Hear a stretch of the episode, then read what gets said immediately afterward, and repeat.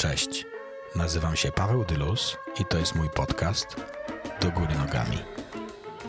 Będę Wam chciał opowiedzieć o mojej podróży z Bogiem i jak wywróciła ona moje życie do góry nogami. Zapraszam serdecznie. Paweł Dylus.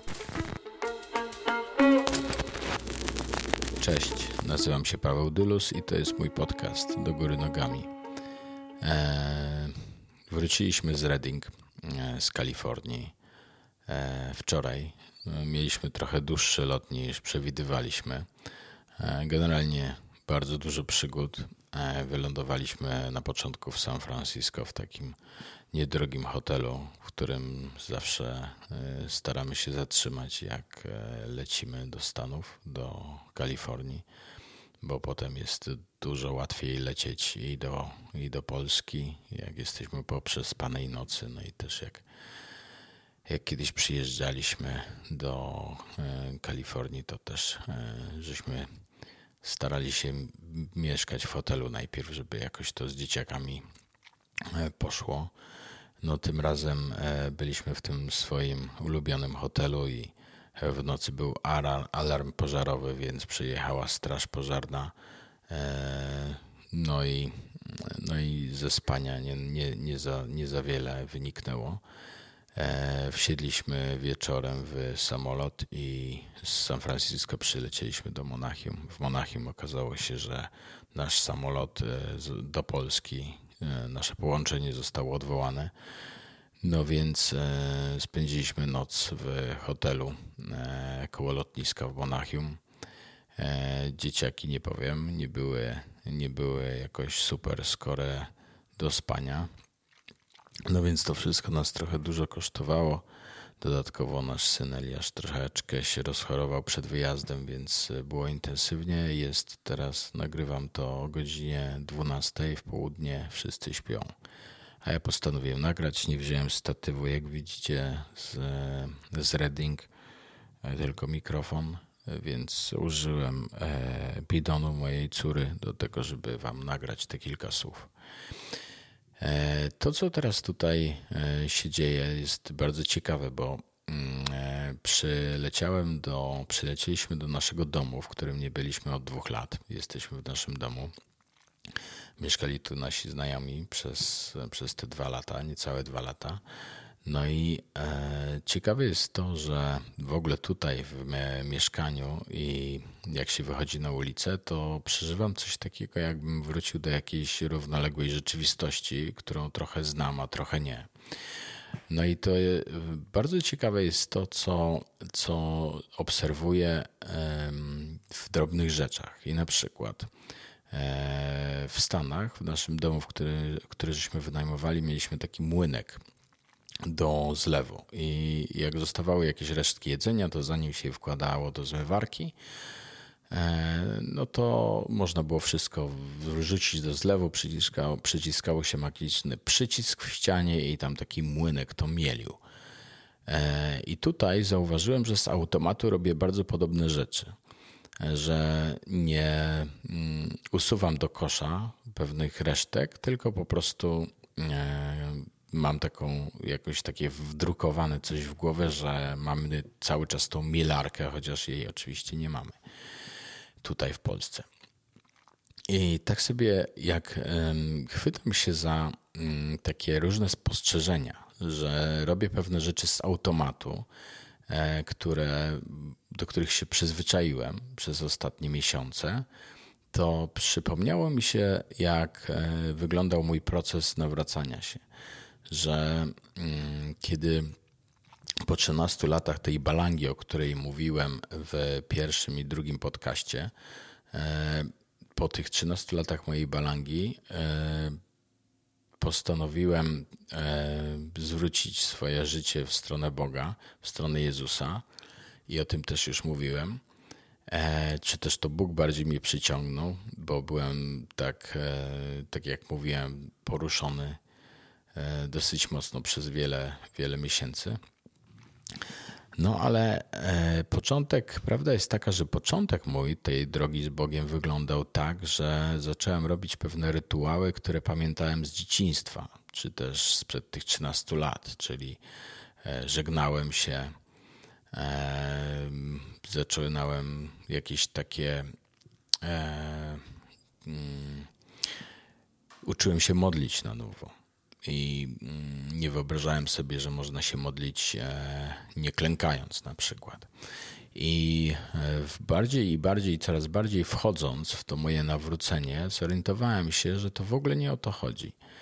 I mm, gdzieś tam taka, taki punkt kulminacyjny tego takiego uwolnienia z tych różnych rytuałów, które, które dla mnie przynajmniej e, kojarzyły się z, z jakimś takim z uprawianiem pewnego bezmyślnego modlenia się. E, pewnym takim punktem kulminacyjnym dla mnie było w Reading, czyli w tej, w tej szkole w Bethel, w której byłem e, w zeszłym roku, e, na pierwszym roku, było takie doświadczenie, kiedy było uwielbienie, czyli było wychwalanie Boga pieśniami, perkusja, gitara na scenie, dosyć, dosyć, e, dosyć mocne, mocne mm, mocne instrumentalno-wokalne działania, że tak powiem. I ja, po, to było już po wykładzie, mm, było to uwielbienie i ja poszedłem do kawiarni, żeby sobie kupić kawę i coś do jedzenia. I kupiłem sobie kanapkę i mówię, a dobra, jeszcze chipsy sobie kupię, bo, bo, mi, bo miałem ochotę. Wracam na to, na to uwielbienie i myślę sobie, no zjem, zjem po, zjem po, po uwielbieniu, na zajęciach zjem, no bo tam nie było przerwy na lunch. I nagle mam takie mocne przekonanie, jak patrzę na tą kanapkę, że mam ją po prostu zjeść. Czy mam usiąść i zjeść. Dałbym sobie głowę odciąć, że uciąć, że słyszałem gdzieś tam taki wewnętrzny głos, żebym po prostu usiadł. I zacząłem, słuchajcie, jeść tą kanapkę i patrzeć na, ty, na scenę, na to, słychać tego uwielbienia. I niesamowite było to, że zacząłem wchodzić w jakąś taką Bożą obecność, po prostu. Było to dla mnie zupełnie, zupełnie nowe doświadczenie, bo nie wyobrażałem sobie, że okej, okay, tam czasami kawusie e, przemyciłem do, do kościoła na nabożeństwo, no ale żeby jeść.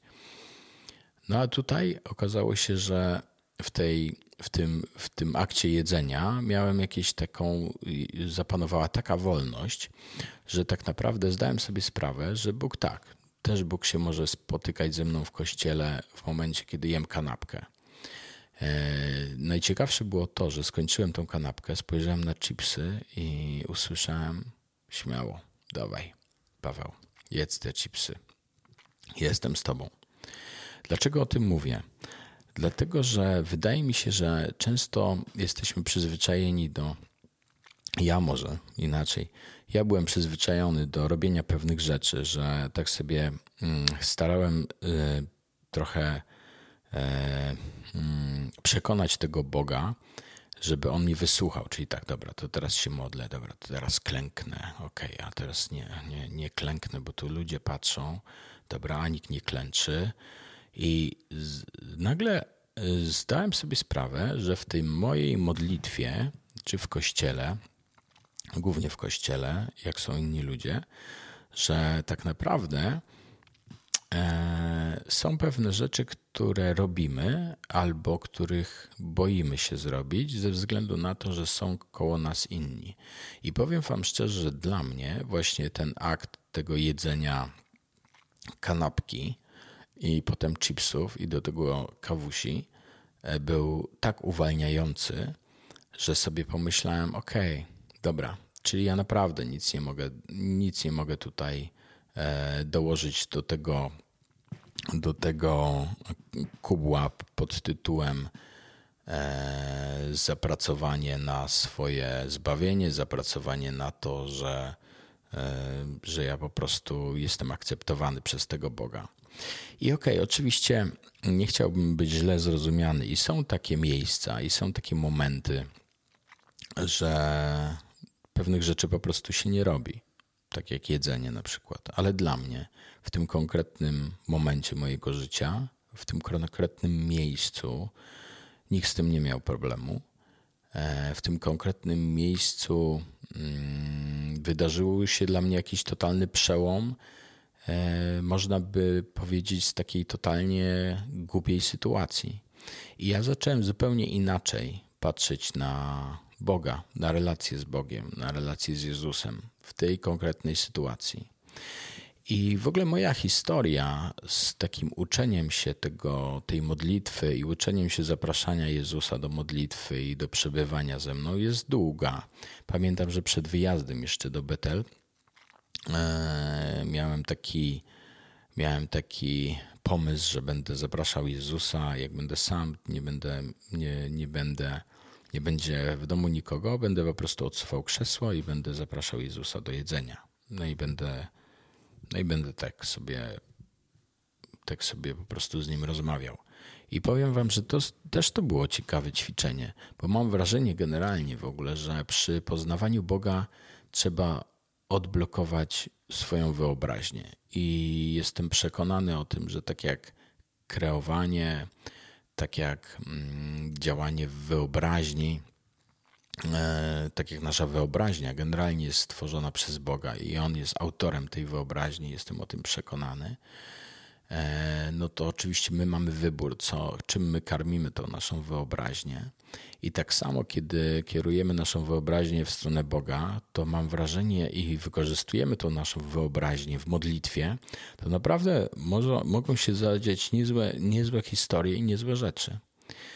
I kiedyś opowiem Wam o tym, jak wyglądało moje spotkanie z Jezusem pod drzewem, kiedy to było dwa lata temu, e, kiedy wyobraziłem sobie po prostu Jezusa i, i jak, że jestem pod drzewem i dalej już poszło.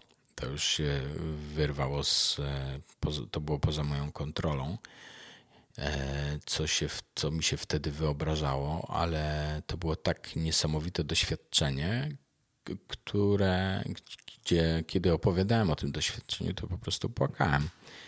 I ja sobie wtedy tak pomyślałem, aha, dobra, okej. Okay. I to był jeden taki z kluczowych momentów w moim życiu, kiedy ja zobaczyłem, że jest jeszcze więcej, że jest jeszcze więcej, że jest jeszcze więcej. Dzisiaj wiem, że jest nieskończenie więcej. Tylko wydaje mi się, że bardzo ważnym dla mnie bardzo ważną rzeczą i cały czas jest to ważne dla mnie, żeby wychodzić z tej swojej strefy takiego automatycznego działania. I wrócę teraz do tego, co mówiłem na początku o tym zlewie i o tych odpadkach. Już trzeci raz to mówię. Złapałem się na tym, że po prostu robię coś z automatu. I Miałem wiele przemyśleń dzisiaj związanych z tym, że bardzo dużo rzeczy, które robię, ale też bardzo dużo rzeczy, które robiłem, które miały coś wspólnego z modlitwą, z Bogiem, że po prostu robiłem je z automatu. I zachęcam Was do tego, żeby, żeby wykroczyć, żeby wyjść, e, żeby wyjść z tego automatu, żeby znaleźć żeby znaleźć życie po prostu, żeby znaleźć, żeby pomyśleć o Bogu tak, jak o przyjacielu, który po prostu lubi pewne rzeczy, który ma swoją osobowość, który ma swoją wrażliwość, który ma, który ma swoje ulubione, który ma swoje ulubione zapachy, który ma swoje ulubione pory dnia. E, myślę, że, w, że wtedy jest po prostu łatwiej zobaczyć tą relację i wkroczyć w nią i czerpać z niej życie po prostu. Chciałem, chciałem Wam powiedzieć o tym wszystkim, dlatego że o, w zeszłym roku pierwszy raz organizowaliśmy z moją żoną i z Kaliszami, z Beniem i z Anią Benia poznaliście przy poprzednim podcaście, e, zorganizowaliśmy przyczepę sanatorium uzdrowienia i proroctwa i słowa wiedzy, którą prowadzimy na Slot Art Festival. I to jest takie miejsce, które, do którego Was zapraszam. To jest miejsce, gdzie będzie można odpocząć. W tym roku udało mi się Udało nam się zaprosić kilka ludzi z kościoła Betel i przyjadą, żeby razem z nami móc się modlić, móc podnosić na duchu, wspierać i prowadzić duchowy odpoczynek dla tych, którzy będą tego chcieli, którzy będą potrzebowali. Zapraszam Was serdecznie. To był podcast na jetlagu z Pawłem Dylusem do góry nogami. Podcast chrześcijański. Dzięki.